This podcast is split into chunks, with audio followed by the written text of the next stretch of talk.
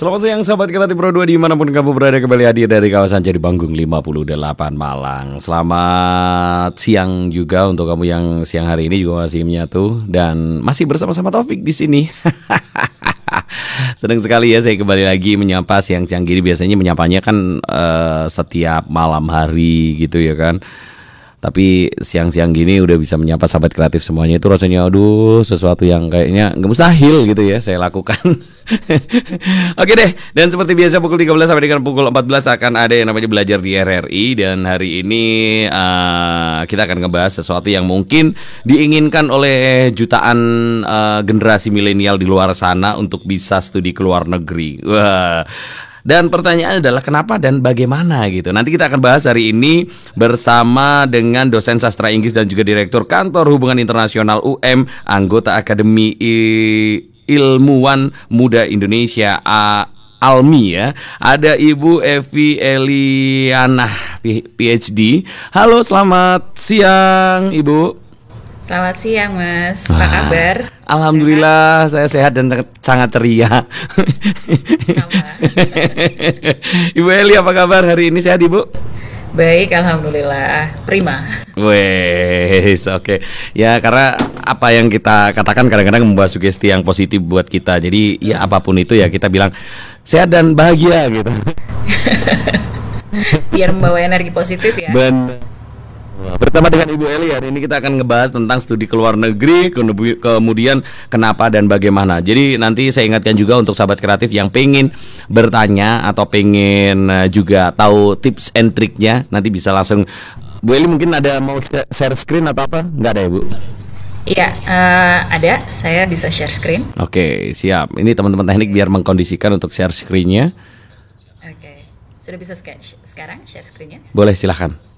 Oke, terima masih disable nih. Masih disable. Eh, teman-teman di, di dibenakkan dulu. benakkan dulu. Mas Saya, Taufik ya? Iya, Bu. Kita interaktif aja ya sebelum sebelum uh, apa namanya masuk ke sesi yang share screen ya. Oke, okay, boleh kita kita kita inter Mas Taufik. Hah? Iya. Saya mau kepoin uh, Mas Taufik. Mas Taufik pernah nggak kepikiran sekolah ke luar negeri? Kalau pernah kepikiran sekolah ke luar negeri, kira-kira mau sekolah apa?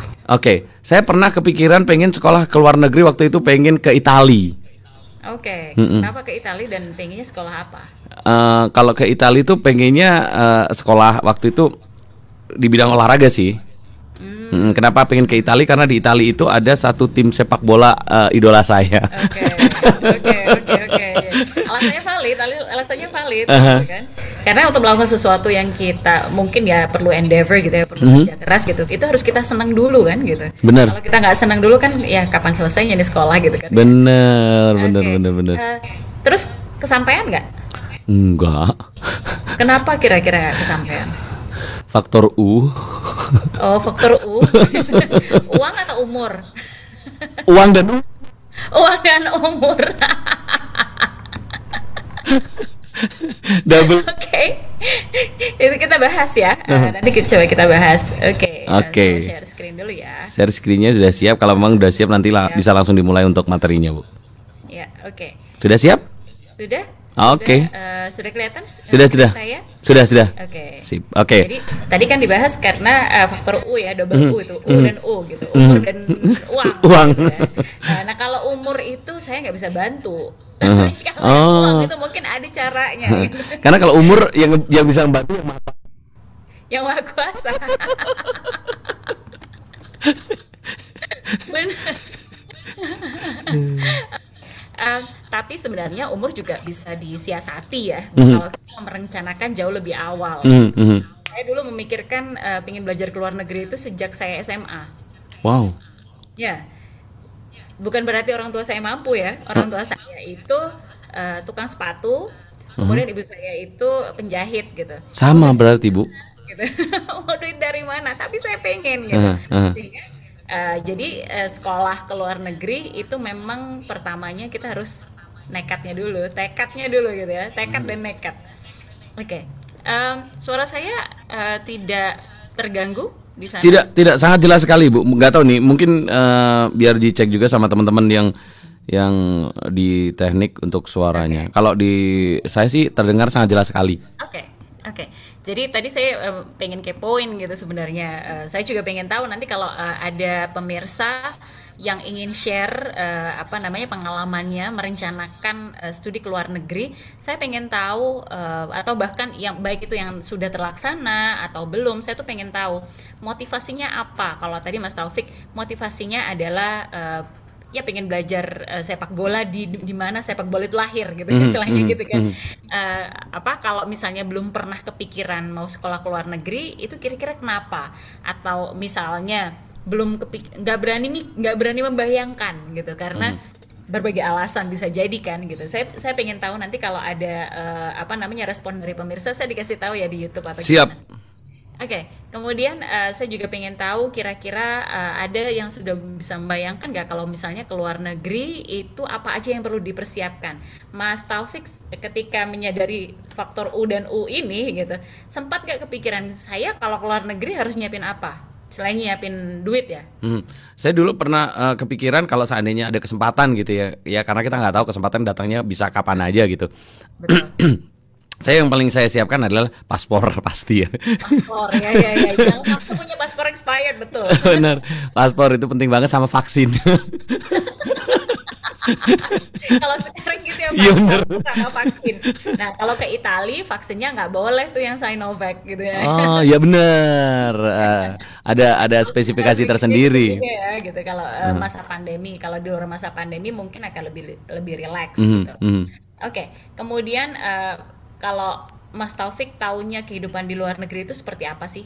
Uh, kalau saya sih lihat di di beberapa sosial media kayaknya kehidupan di luar negeri itu orangnya cuek gitu gitu ya. Lebih kecuek sih. Kalau kalau saya lihatnya cuma di internet. Cuman karena memang saya belum pernah ke sana jadi secara kultur ya. kehidupan di sana saya jadi nggak paham sama sekali gitu. Ya, cuman saya ya. tahunya dari sosial media aja dari internet. Ya, ya, ya, ya. Hari gini kan kita taunya memang dari sana ya mm -hmm. sumber informasi kita dan itu salah satu poin penting nanti yang akan saya bahas juga bahwa kita harus memiliki informasi yang cukup gitu mm -hmm. kalau kita memang niat ya gitu. Oke. Okay saya akan masuk segmen pertama dari uh, apa materi saya. Kenapa sih harus jauh-jauh mau sekolah aja di Indonesia juga pilihannya banyak banget. Kalau mm misalnya mau kuliah ada 4000 perguruan tinggi loh mm di mhm, sini mm gitu kan. Bener, bener. Tinggal milih aja yang uh, kualitasnya keren yang masuk dalam uh, apa namanya ranking bagus gitu ya dalam 500 dunia itu ada gitu. Mm Bahkan masuk dalam 300 dunia juga ada gitu. Kenapa harus jauh-jauh gitu? Nah, mungkin pertanyaan ini yang uh, ingin saya jawab dari uh, apa pengalaman saya sendiri. Saya S2 dan S3 kebetulan di Australia. Wow. Uh, kemudian dengan sedikit apa ya warawiri gitu ya waktu mm -hmm. S3 saya juga sempat di Jerman beberapa bulan gitu. Saya di Austria dan so on gitu. Nah, kenapa sih jauh amat waktu itu? Mm -hmm. uh, saya tuh orangnya suka tantangan gitu. Okay uh, hidup ini jangan gini-gini aja gitu. Lem, kalau kata orang Jawa kata orang Jawa gimana? Lempeng-lempeng ai. Lempeng-lempeng ai. Karena tantangannya benar-benar kayak berbeda gitu ya. Kayak uh, ball uh. game itu benar-benar ini it's totally different ball game gitu. Oke. Okay. Ya mungkin agak sedikit berbeda kalau misalnya kita kuliahnya di Malaysia gitu. Uh Berbeda sih gitu, tapi mungkin tidak akan terlalu shocking karena hmm. kita sama-sama misalnya apalagi ya serumpun gitu ya, ya serumpun gitu apalagi seperti saya muslim hmm. gitu kan hmm. di sana gampang nyari tempat sholat nyari oh, makanan okay. halal juga gampang gitu kan tapi once kita dilempar gitu ya saya tuh selalu bilang kepada mahasiswa saya bahwa kalau kita keluar negeri uh, memutuskan untuk tinggal atau uh, sekolah ke luar negeri itu kita kayak apa ya batu yang dilepaskan dari ketapel gitu jadi dilepaskan okay. sendiri gitu, batu itu sendiri mm -hmm. gitu, kemudian mendarat, kemudian kita harus cari cara gimana kita survive mm -hmm. gitu. Nah, di situlah tantangan-tantangan ini yang akan membuat kita menjadi pribadi yang berbeda, okay. gitu. Ya, uh, saya tinggal besar di sidoarjo, kemudian pindah ke Malang untuk kuliah gitu. Itu aja membuat saya berbeda gitu, membuat saya um, tumbuh menjadi pribadi yang berbeda dibandingkan dengan uh, apa saudara saya misalnya karena okay. saya memiliki perspektif yang berbeda bertemu dengan orang-orang yang beragam gitu hmm. apalagi kalau kita bertemunya tidak hanya orang yang satu negara tapi juga berbagai lintas negara betul gitu jadi hmm. kita membuka wawasan tentang budaya yang berbeda kemudian pengalaman studi di universitas yang berkualitas nah kalau kita keluar negeri ya jangan ngambil uh, apa fakultas universitas yang di hmm. ya universitas yang diganggang gitu gitu hmm. jangan salah loh ya di luar negeri juga banyak serius kualitas iya oh. dong ini di Melbourne aja itu juga ada banyak universitas atau institut-institut yang pokoknya sekedar ada itu juga ada. Berarti gitu. kalau kata orang Jawa balabal gitu ya. Abal-abal. Makanya kita juga harus kalau kita aim itu kita harus aim tinggi gitu ya. Karena okay. kalau misalnya jatuh pun itu nggak jauh-jauh gitu. Hmm. Karena mimpilah setinggi langit kalau jatuh minimal ada bintang-bintang. iya, gitu deh gitu.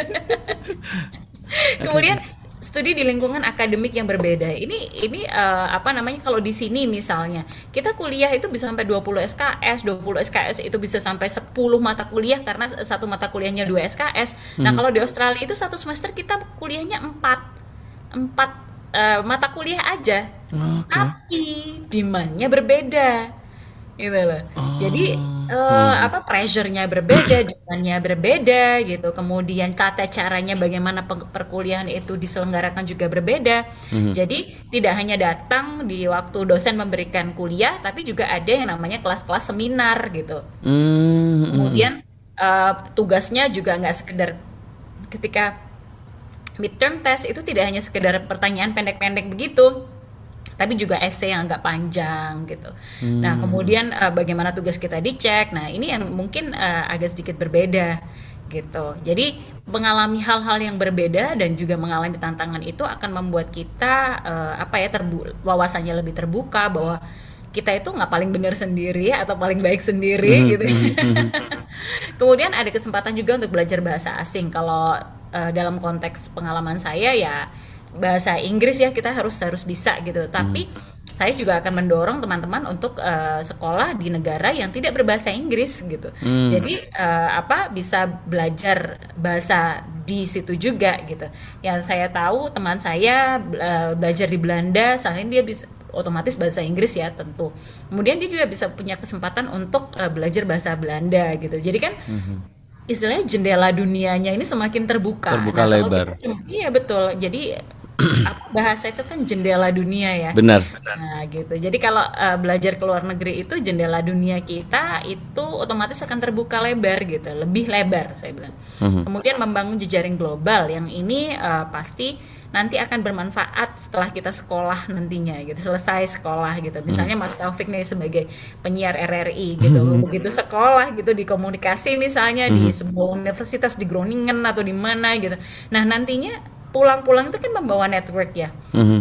Balik lagi jadi penyiar misalnya. Nah, acaranya mungkin akan sedikit berbeda yang diundang mungkin tidak hanya orang Indonesia Benar. gitu ya. Karena secara komunikasi kita udah terjaring gitu ya. Betul hmm, gitu. Okay, okay, nah, okay. sekarang juga misalnya kalau uh, apa dosen-dosen dari S2 ke S3. Nah, ini kan nanti ada konferensi atau apa, nah bisa mengundang teman-temannya ini gitu.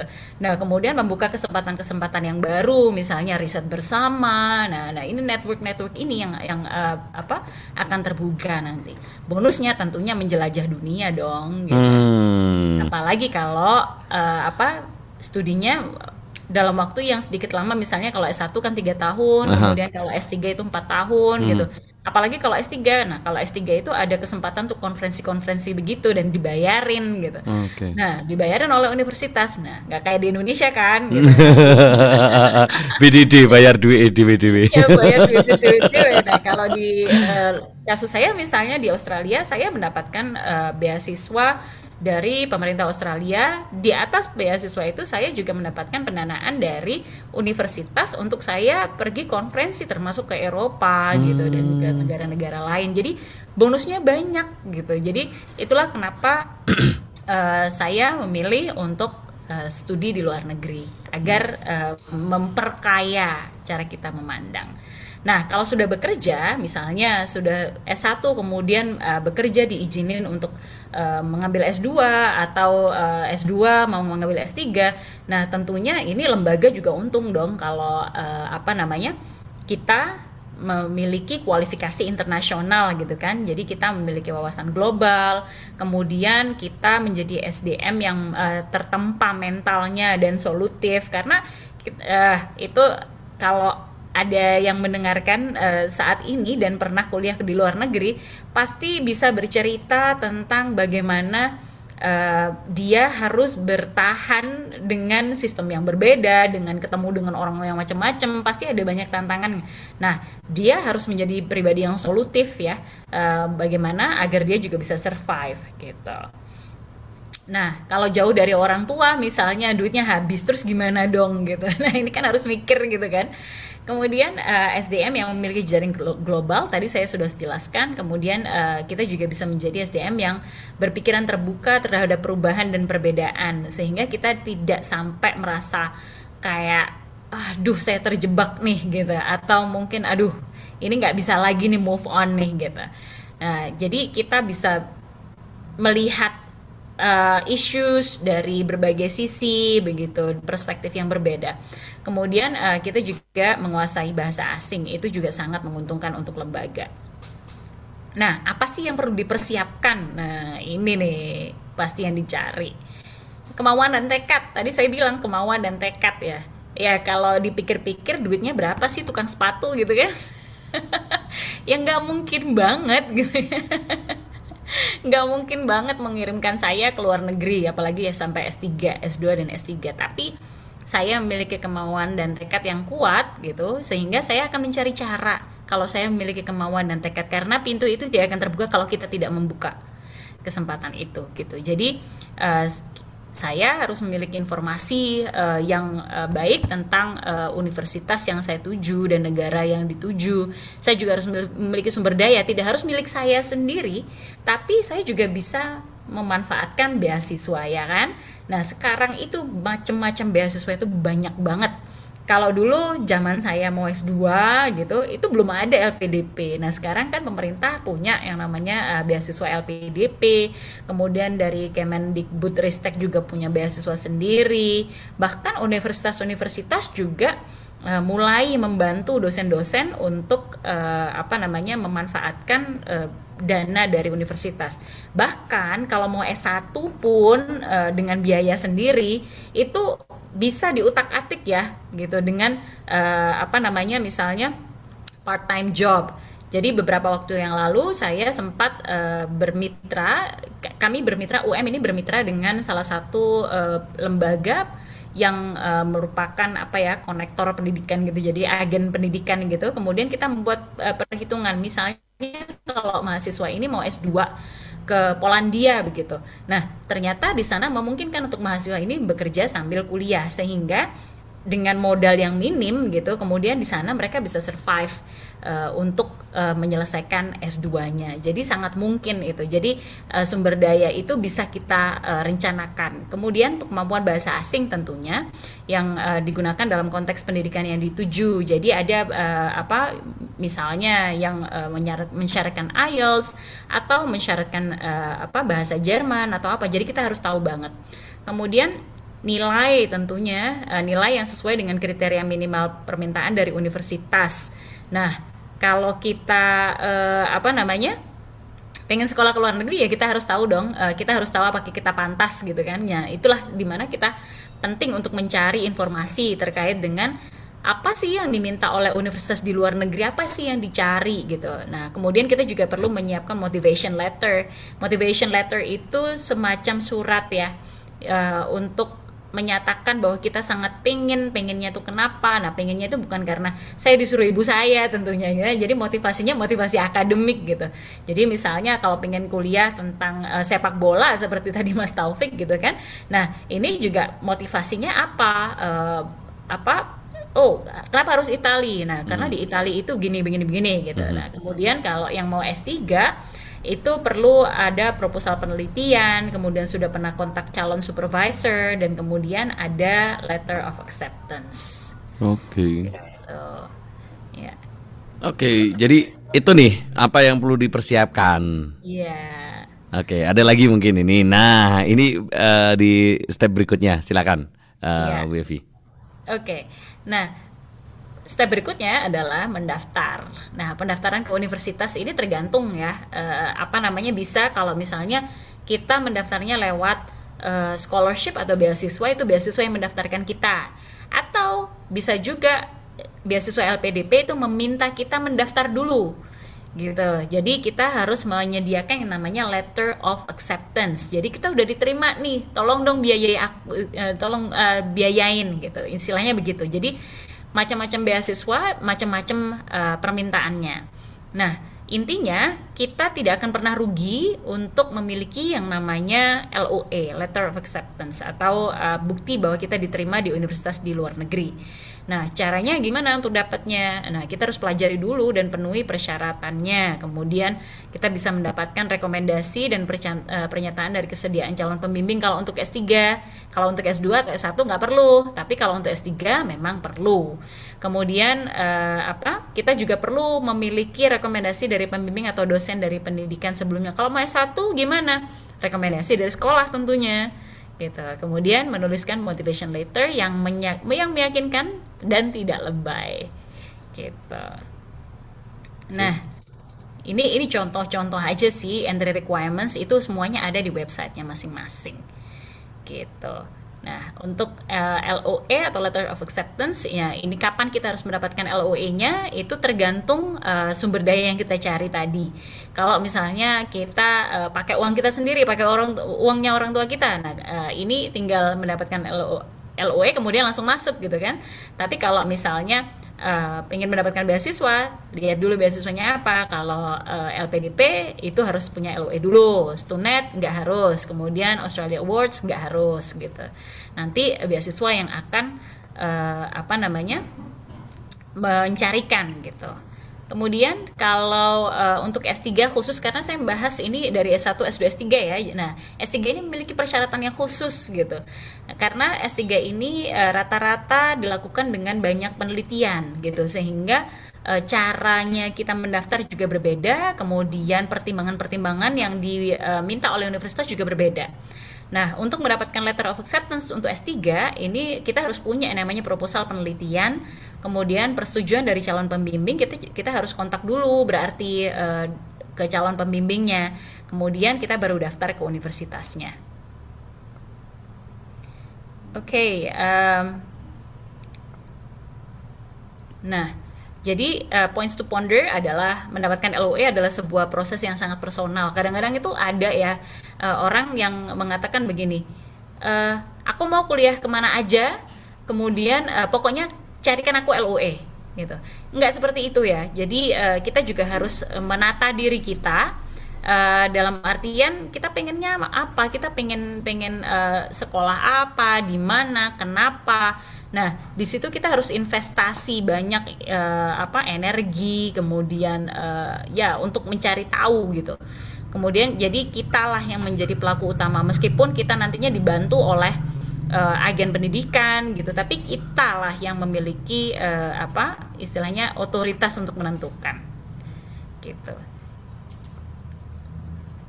Saya masih punya banyak materi nih mas. Uh, kita lanjut atau kita interaktif dulu Oke, okay. nah silakan mungkin ada sahabat kreatif nih yang pengen tanya, boleh sudah kita buka untuk live chatnya di line WhatsApp juga. Tapi nanti kita tunggu sambil ya ada beberapa pertanyaan pribadi sih dari saya gitu. Gak apa-apa Ibu ya? apa Boleh dong. Daripada saya ngomel terus gitu. Bener. Nah, ini menjadi hal yang sangat menarik gitu ya ketika kita bisa berkesempatan untuk bisa belajar ke luar negeri nih sahabat kreatif. Nah, kalau tadi kan hampir semuanya nih persyaratan secara uh, apa namanya persyaratan secara akademisnya kan ya menyiapkan LOE apa namanya kayak penelitian dan sebagainya. Kalau dari persiapan diri kita sendiri nih mungkin yang uh, secara secara akademis kita udah nyampe ini semua. Tapi kan balik lagi ke diri kita bu. Kalau diri kita nggak siap mungkin secara kesehatan dan sebagainya kan juga batal batal batal berangkat gitu. Nah ini solusinya seperti apa? Ya hidup sehat pertama karena uh, apa syarat untuk visa student itu pasti disuruh cek kesehatan. Kalau misalnya kita punya TBC, nah itu biasanya harus uh, pengobatan dulu gitu. Karena apa begitu kita masuk ke negara orang lain gitu, kita harus punya yang namanya asuransi kan. Nah, hmm. asuransi hmm. itu tidak semuanya mau mengcover pre-existing conditions gitu. Okay. Nah, daripada kita ke sana kemudian sakit ya berarti kita harus menyiapkan diri secara sehat juga ya hmm, gitu. Bener, bener, bener, kesehatan mental itu penting juga kita oh, iya. harus tahu uh, apa namanya kita siap enggak gitu siap itu dalam artian begini kita harus tahu bahwa yang akan kita hadapi ini berbeda. Kita akan jauh dari orang-orang yang biasanya membantu kita. Gitu. Circle kita nah, seharian gitu ya. Mm -mm. Jadi jadi uh, kita uh, akan berubah cara hidup kita. Mm-hmm. Yang biasanya mungkin makan nasi, kemudian susah nyari di sana makan nasi, ya kan? Bener, biasanya bener, makan bener. Nasi, uh, bi biasanya makan uh, sayur asem di sana kacang panjang mahal. ya. Kan? Nyari pecel susah gitu yang kan. di sini tinggal toleh udah ketemu kacang panjang di sana noleh ke mana-mana nggak ada. Di sini kan uh, apa lewat gitu. Aduh lapar malam gitu kan. Uh -huh. yang sukanya begadang malam eh bakso lewat gitu kan. Uh -huh. nah di sana nggak ada gitu. Oh iya bener-bener yang rombongnya warna hijau gitu nggak ada. Wah endorse nih. Rombong warna hijau Iya itulah itulah kenapa kita harus cari tahu hmm, uh, tidak hmm, hanya tentang hmm. sekolahnya tapi juga tentang negaranya gitu. Okay. Nah kemudian kita juga perlu mencari tahu uh, apa namanya komunitas di sana nanti akan saya bahas juga sih di segmen berikutnya. Oke oke oke oke. Jadi memang ya. banyak hal yang perlu disiapkan ya. Salah satunya adalah uh, mungkin dari dari dari kesehatan kita itu yang paling utama karena memang uh, secara kultur, secara budaya entah itu dari sisi makanan atau apa pun itu pasti akan sangat berbeda seperti itu ya bu ya. Ya betul. Oke, mungkin bisa dilanjut lagi Bu, nanti sambil menunggu untuk yang pengen bergabung di live chat kita, silahkan. Oke, nah sekarang uh, bagaimana mendapatkan uh, persetujuan dari calon super, supervisor untuk studi doktoral? Ini ini uh, apa namanya? Ini sangat delicate ya uh, urusan supervisor ini kalau untuk studi doktoral, karena tidak seperti di sini. Uh, kalau studi doktoral di sana itu kita harus punya supervisor dulu. Kalau studi S3 di Indonesia kan enggak ya daftar aja sama kayak S2 gitu karena nanti penelitiannya adalah di tahun kedua misalnya. Nah, tapi kalau di Australia seperti yang saya lakukan itu saya di awal sudah harus memiliki seorang supervisor. Gitu. Nah, kemudian untuk supervisor ini kita cari nah carinya itu eh, apa namanya? bidangnya harus cocok, kemudian kalau bisa secara personality cocok gitu. Jadi eh, memang tidak hanya sekedar oh orang itu kayaknya bidangnya sama kayak saya. Kemudian saya mau jadi supervisornya eh, eh, saya mau dia jadi supervisor saya. Kadang-kadang tidak semudah itu gitu. Karena kalau udah mau S3 itu kan komitmen lama 4 tahun gitu ya. Nah itu juga harus mencintai apa yang kita lakukan. Topiknya kita suka kemudian hubungan dengan supervisor itu baik gitu. Jangan sampai uh, hubungan yang jelek ini akhirnya membuat kita uh, apa nggak selesai gitu. Karena ada banyak kasus-kasus seperti ini gitu. Jadi nanti kalau misalnya hubungannya memburuk misalnya dengan supervisor itu kita harus tahu apa yang kita lakukan. Jadi dengan mengidentifikasi siapa atau unit apa yang bisa kita akses untuk mendapatkan bantuan gitu. Nah komunikasi dengan calon supervisor Uh, kita harus punya proposal penelitian, kemudian kita kita cari tahu tadi ya akademisi yang akan kita targetkan, kemudian tidak mengirimkan email secara acak ke sembarangan orang gitu, dan kita jangan terburu-buru. Misalnya uh, deadline-nya LPDP itu bulan depan, gitu. Kemudian uh, bulan November taruh lah gitu ya. Oktober kita baru cari supervisor. Kita nggak nggak jangan kayak gitu gitu. Jadi kita harus punya waktu yang cukup untuk berkomunikasi uh, apa lewat email atau nanti uh, lewat zoom begitu dengan calon supervisor kita. Kemudian uh, kita juga perlu meminta feedback uh, terhadap proposal yang kita kirimkan gitu Oke, nah ini nih kehidupan sosial yang tadi ditanyakan oleh uh, Mas Taufik. Nah, Nah, kehidupan sosial kita itu uh, kalau awal-awal itu berawal dari international office gitu. Ini sama dengan yang saya lakukan karena saya direktur kantor hubungan internasional. Begitu hmm. mahasiswa datang, hmm. ya keluarga mereka yang pertama adalah international office, gitu. Hmm. Jadi uh, apa mereka adalah point of contact kita. Nah, kita harus tahu mereka ini ada di mana letaknya. Mereka ini adalah orang yang bisa kita tanya-tanya tentang segala hal, baik itu akademik ataupun non akademik, gitu. Kemudian kita juga perlu, nah ini nyari kos kosan di Australia tuh nggak kayak nyari kos kosan di sini. Nggak kayak nggak kayak nyari kos kosan di Watugong.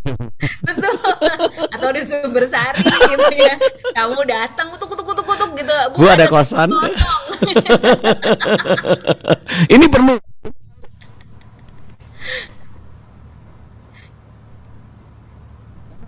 Uh, apa kenyamanan dalam lingkungan kita yeah. tinggal ini juga membawa dampak yang uh, cukup signifikan dalam proses belajar kita, benar kan Bu? Bener, bener, bener banget. Nah kalau di luar negeri itu ada pilihan ya, ya sama sih sebenarnya kayak di uh, UM misalnya, UB misalnya, ada akomodasi di dalam kampus, kemudian ada juga yang di luar kampus. Nah kalau di luar kampus tuh macam kos-kosan begitu kan. Hmm. Nah kalau di dalam kampus itu asrama gitu. Nah tapi jangan dibayangkan bahwa asrama yang di uh, eh, ANU atau di uh, University of Melbourne, University of Western Australia atau di uh, Groningen atau hmm. di Maastricht itu sama dengan asrama yang ada di Indonesia gitu. Hmm. Tentunya mereka nggak pakai ini ya, mereka pakai shower ya, nggak pakai ini ya cibuk. Gayung. ya, eh, oke okay. itu itu salah satu perbedaan aja. Nah kita itu sejak dari Indonesia kita harus mencari informasi tentang akomodasi Hmm, baik okay. itu akomodasi yang uh, apa namanya temporer maupun permanen. Kalau misalnya belum dapat yang permanen karena pengen lihat-lihat dulu, setidaknya ada yang temporer gitu. Jadi kita harus cari tahu. Nah, gimana sih caranya kita cari tahu gitu? Nah, itu hmm. ada website-website yang bisa kita kunjungi. Nah, bagaimana kita tahu bahwa websitenya harus kita tuju adalah itu ya Google Search atau mungkin minta informasi dari student Indonesia yang sudah ada di sana, hmm. gitu. Jadi mereka pasti punya tips gitu. Nah, di mana kita bisa locate uh, kelompok mahasiswa ini? Facebook, Twitter gitu. Pokoknya kalian cari aja deh PPI gitu ya, Persatuan Pelajar Indonesia. Nah, hmm. di PPI Amerika gitu, Permias gitu ya atau uh, apa PPI Australia gitu. Mereka pasti punya uh, social media uh, apa account, account gitu yang bisa kita kita visit gitu. Kemudian kita tanya-tanya juga dan mereka pastilah uh, sesama pelajar Indonesia, pelajar rantau gitu mereka tahu apa yang kita butuhkan dan kadang-kadang bahkan ada iklan-iklan gitu. Oke okay, temporary accommodation karena mungkin ada student yang lagi away atau for the summer sehingga perlu sublet untuk uh, apartemennya bisa kita pakai kayak gitu. Jadi uh, kita harus benar-benar well prepared. Jadi nggak bisa datang ke Amsterdam kemudian uh, cari kos-kosan. Dari dari sidoarjo ke Malang. Betul. Ketok pintu ibu kos Nah, keluarga.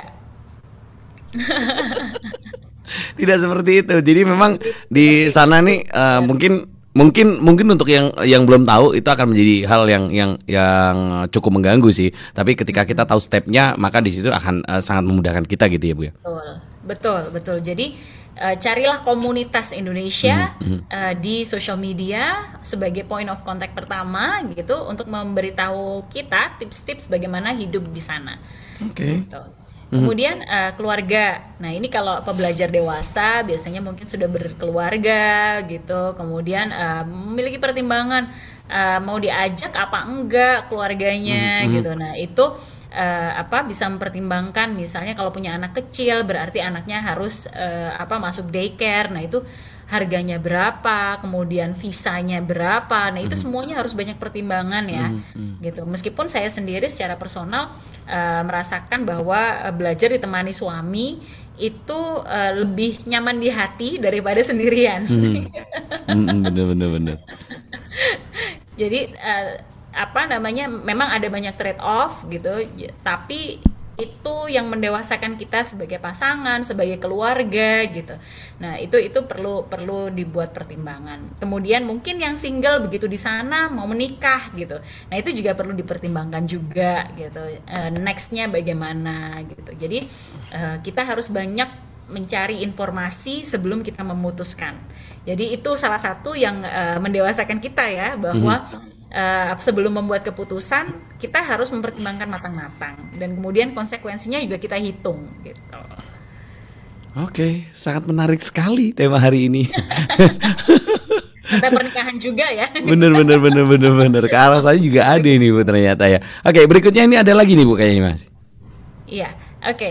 Jadi uh, ini saya berikan ambil contoh ini uh, yang dialami oleh teman saya.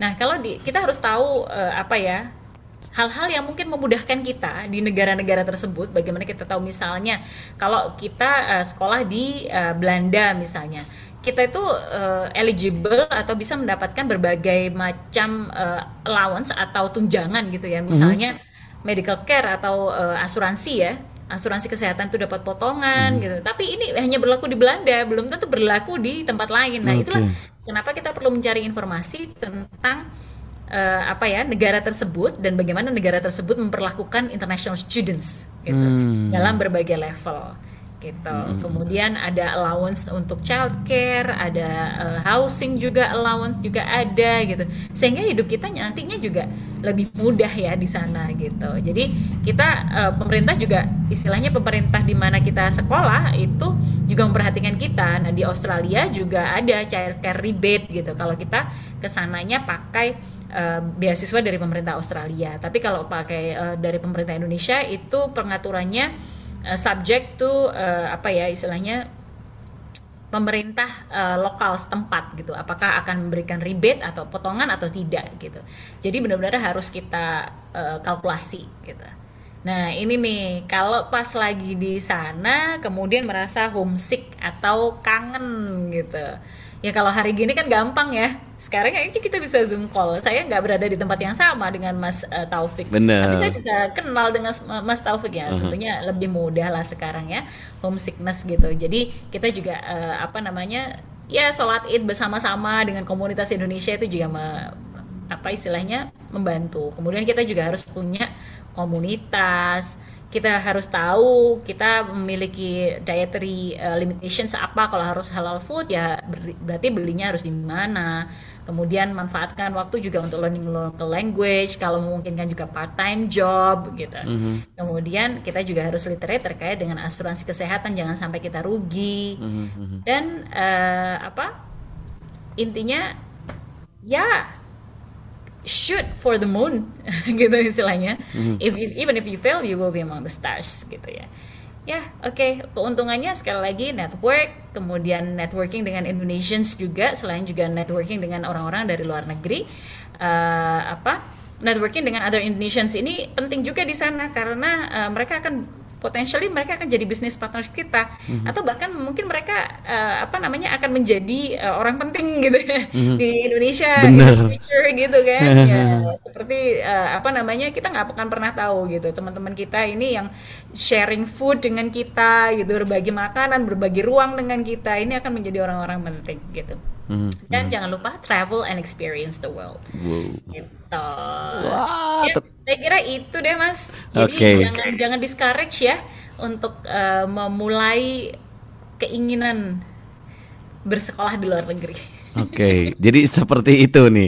Uh, jadi makin banyak tahu kita ya tentang apa namanya uh, bersekolah di luar negeri ternyata memang banyak sekali nih keuntungan-keuntungan yang tadi sudah di share juga sama Bu Evi. Nah, ada akhirnya timbul nih beberapa pertanyaan dari saya. Meskipun saya uh, mungkin kalau dibilang terlambat ya karena nggak ada kalau untuk belajar sih nggak ada kata terlambat gitu ya bu ya. Tetapi ya kayaknya sudah tidak memungkinkan gitu ya.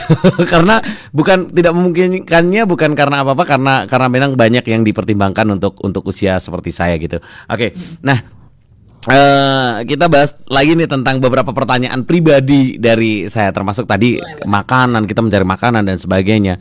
Berarti kita uh, istilahnya hukumnya kayak wajib ya me, me, me, apa namanya tergabung dalam sebuah komunitas kayak komunitas Indonesia yang ada di anggap aja di Australia gitu. Itu wajibkah kalau seandainya kita ber ber, ber apa ya uh, menuntut ilmu di Australia kayak gitu? Iya, iya.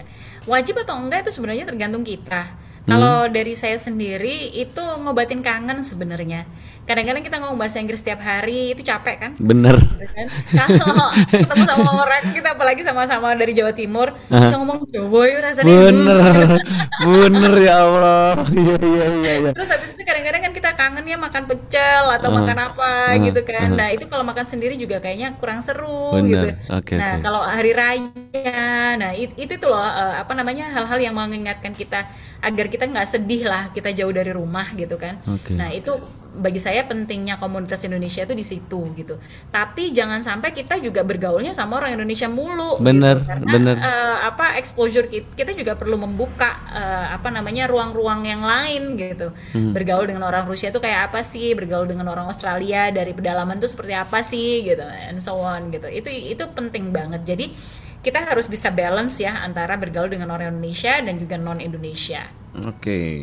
Nah, soal pengalaman nih Bu, saya mau akhirnya mau tanya, punya pertanyaan lagi gitu. Yuk, mari. Nah, kalau menurut Ibu sendiri nih selama uh, apa namanya uh, pengalaman menjadi pelajar Indonesia yang keluar negeri hampir beberapa negara juga dan dan uh, negaranya juga cukup uh, maju gitu. Pasti bakal ketemu banyak banyak budaya kan dari ada yang dari mungkin Afrika, ada yang dari Amerika dan sebagainya. Menurut Ibu sendiri yang paling susah bergaul dengan siapa? Kalau menurut saya itu bukan bud- eh, apa lebih bukan budaya tapi personal gitu Ah, ya. Oke oke. Nah, jadi jadi eh, apa namanya kadang-kadang kita memiliki stereotype gitu kan eh, bahwa orang kayak gini tuh begini begini begini tapi kan tidak semuanya itu yang namanya juga stereotype gitu kan once you get to know um, apa namanya your friends better mungkin ada banyak hal yang bisa kita appreciate gitu nah hanya karena eh, kita berbeda cara hidup bukan berarti eh, kita nggak bisa hidup bersama Oke. gitu. Jadi eh, menurut saya apa namanya eh, apa ya kesulitan bergaul itu lebih karena personality seseorang gitu.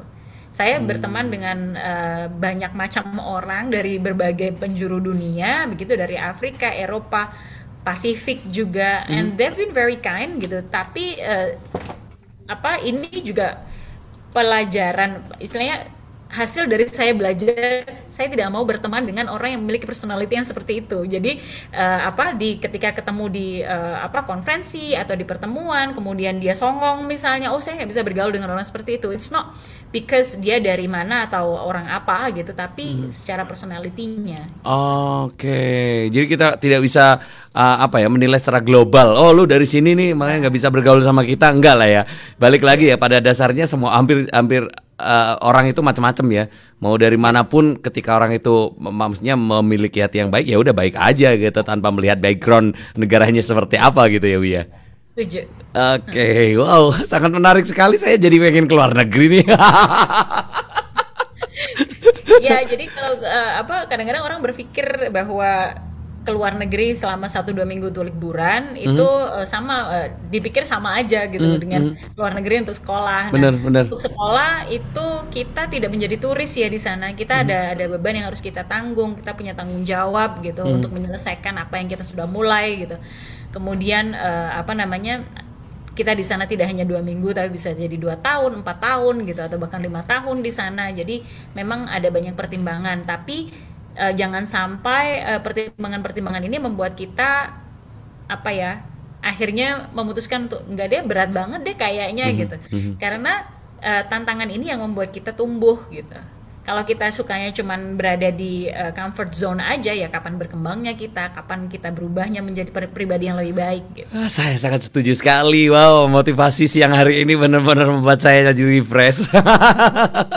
Oke, nah Ibu eh, ada nih satu pertanyaan yang mungkin ini akan akan akan akan menjadi pertanyaan juga dan mungkin juga mewakili teman-teman yang sekarang lagi live kita, lagi dengerin kita. Eh, untuk menjaga gini, untuk menjaga eh, apa ya istilahnya motivasi kita agar tetap karena kan pada dasarnya manusia itu adalah ya sifat dasar manusia kadang gampang bosan gitu. Apalagi kalau liburan kan beda paling cuma dua minggu sebulan lah maksimal. Iya kan nah kalau kita berstatus pelajar apalagi di negara orang dengan kultur budaya yang tidak eh, kita lahir sudah di Indonesia kemudian kita besar akhirnya kita keluar negeri pasti ini akan sangat berbeda sekali Terus eh, mengatasi hal-hal kebosanan ini juga mungkin satu tips yang harus dibagi biar kalau kita udah bosan kadang-kadang kan ada tugas kita sepelekan dan sebagainya dan sebagainya. Nah untuk menjaga konsistensi agar tetap ya udahlah yang namanya bosan pasti tapi kita tetap harus konsisten di dalam hal itu seperti apa tipsnya kalau dari ibu? Iya. Kalau saya selalu kembalikan kepada visi kita, visi hidup kita apa sebenarnya dan kenapa kita harus keluar negeri untuk mencapainya, gitu. Jadi misalnya saya, gitu, kuliah lima tahun untuk eh, menjadi dokter gitu. Ini kan bukan waktu yang pendek, benar kata Mas Taufik. Pasti ada di mana saya frustasi, di mana saya bosan kayak gitu. Tapi saya melihat lebih jauh, gitu. Saya kuliah ini not forever gitu. Jadi ada funding yang harus saya gunakan yang memiliki batas waktu. Kemudian ada keluarga yang menunggu saya untuk menyelesaikan ini. Ada kantor yang menunggu saya untuk menyelesaikan ini. Dan kemudian setelah saya menyelesaikan ini, saya tuh pingin melakukan yang lain-lain. Karena kalau nggak selesai, saya akan selamanya berkubang di sini Hmm. gitu jadi kembali lagi pada visi kita yang lebih besar dalam hidup ini seperti apa hmm. kemudian visi setelah menyelesaikan uh, apa degree ini kita mau ngapain Oke. Okay. Bukannya kita uh, apa namanya agar kita tidak terlalu lama berkubang dalam uh, kebosanan, frustasi gitu. Ya, agar kita segera bangkit. Wah, luar biasa. Bener bener bener bener bener bener. Ya, kadang makanya makanya eh, kadang yang paling ditakutkan sama mungkin beberapa teman-teman atau sahabat kreatif yang pengen uh, kuliah ke luar negeri apalagi dalam jangka waktu yang cukup lama gitu ya. Kalau mungkin ya satu tiga tahun tiga tahun aja kalau kredit motor kan udah dapat satu gitu ya bu ya. Yeah. Maksudnya ini menjadi hal yang yang, perlu juga bahwa uh, ketika kita berangkat selain kita menyiapkan secara apa namanya secara berkas-berkas dan sebagainya, kesehatan dan sebagainya. Misi kita ini harus benar-benar dijaga ketika kita mudah mulai uh, merasa bosan, mulai kehilangan, baliklah ke misi awal bahwa uh, kita harus menyelesaikan semua ini dan kita punya misi yang lebih besar setelah part ini. Nah, gitu ya, Bu ya. Waduh, luar biasa sekali. Motivasinya sangat-sangat bermanfaat sekali nih. Nah, tadi kalau ngomongin soal bonus, kalau tadi kan mungkin sudah dibahas nih tentang bagaimana caranya, terus beradaptasi di negara uh, tempat kita belajar itu juga seperti apa. Nah, ini yang cukup menarik yang mungkin juga bisa menjadi sebuah motivasi tersendiri untuk sahabat kreatif yang pengen juga keluar negeri. Bonus. Kalau ngomongin soal bonus Bu ya, selain networking, ada juga kita bonus bisa ke uh, menjelajah ke apa namanya uh, beberapa tempat yang menjadi apa ya tujuan wisata di sana lah kayak gitu. Nah ini seperti apa melakukan? Karena kan mungkin di tengah kesibukan kita harus kuliah dan yeah. sebagainya kan nggak kadang-kadang ada yang kalau di Indonesia nih ya kalau di Indonesia kan kita paling liburnya cuma Sabtu Minggu kita mau ke sana nggak bisa nih kita karena sudah ada tugas dan sebagainya. Yeah. Nah ini seperti apa? Kalau di luar negeri itu kan uh, apa ada libur yang agak panjangnya tiga bulan gitu kan hmm. nah itu kita manfaatkan ini tuh liburan summer gitu nah itu oh. biasanya ada waktu yang agak lebih panjang tapi mungkin kalau untuk yang S3 mungkin meskipun liburan tetap ngantor tapi jangan lupa untuk memiliki social life jadi tetap hmm. harus di we have to strike a balance between academic and non academic life gitu ya. Okay. Jadi social kita juga harus kita maintain. Kita bisa berjalan bersama keluarga, kita bisa dengan teman-teman uh, sesama Indonesia atau bahkan dengan teman-teman yang bukan Indonesia gitu. Hmm. Jadi itu itu itu harus ada gitu. Manfaatkan ya. Uh, sayang ya udah jauh-jauh hmm. gitu kita cuma di kantor aja kalau PhD atau mungkin uh, di perpus aja gitu ya. Ya dunia ini lebih luas lah ya. Gitu selain selain menambah selain menambah apa pengetahuan kita tentang uh, kultur budaya ataupun juga alam yang ada di mungkin Australia atau di Belanda atau di mana pun kita juga uh, sekaligus refresh lah ya, ya. karena balik lagi soal yang namanya kebosanan itu mesti harus kita refresh gitu ya bu ya. Oke, okay. yes. nah ya.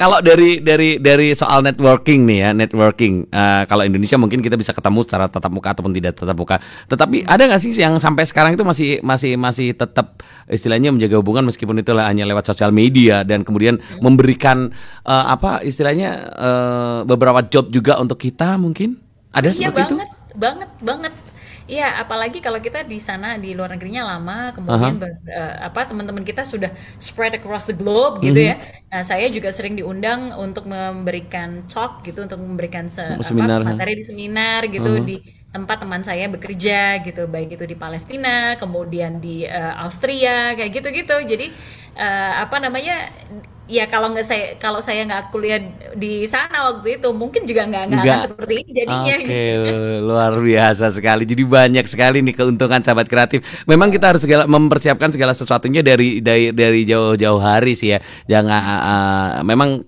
dalam dalam urusan mencari ilmu tidak ada kata terlambat tapi tidak ada salahnya ketika kita mempersiapkan segala sesuatunya sejak dini seperti itu. Oh.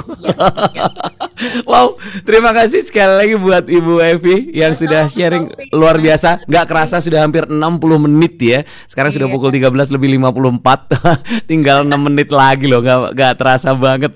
Dan wah, saya jadi termotivasi tapi sayang memang ada banyak pertimbangan yang harus saya pertimbangkan untuk saya bisa uh, pergi ke luar negeri. Semoga saja saya nanti menjadi duta apa dan bisa keluar negeri gitu. ya kan gak harus ngambil uh, kuliah yang panjang gitu kan bisa short course atau apa gitu. Opportunities might come up gitu. Oke oke oke. Oke deh, terima kasih sekali lagi untuk Bu Evi sukses selalu. Terima kasih. Semoga uh, pandemi ini segera berakhir gitu ya Bu ya, biar uh, memudahkan segala sesuatunya kayak gitu. Ya, ya, sehat-sehat selalu ya. Ya, yeah, thank you Bu. Selamat melanjutkan aktivitas kembali. Oke. Okay. Nah, sahabat kreatif itu tadi ya ngobrol-ngobrol kita dan sharing-sharing kita ternyata memang banyak sekali hal yang bisa kita pelajari ya ketika kita uh, berstudi ke luar negeri karena sekarang sudah hampir jam 14. Setelah ini juga akan ada um, request lagu Indonesia dan saya sekaligus juga harus pamit dari ruang dengar kamu. Dari Cari Panggung 58 Malang saya Taufik Misbunya bertugas pamit undur diri. Terima kasih banyak tetap kreatif bersama Pro 2 dan jadikan terus generasi muda sebagai headline. Thank you bye bye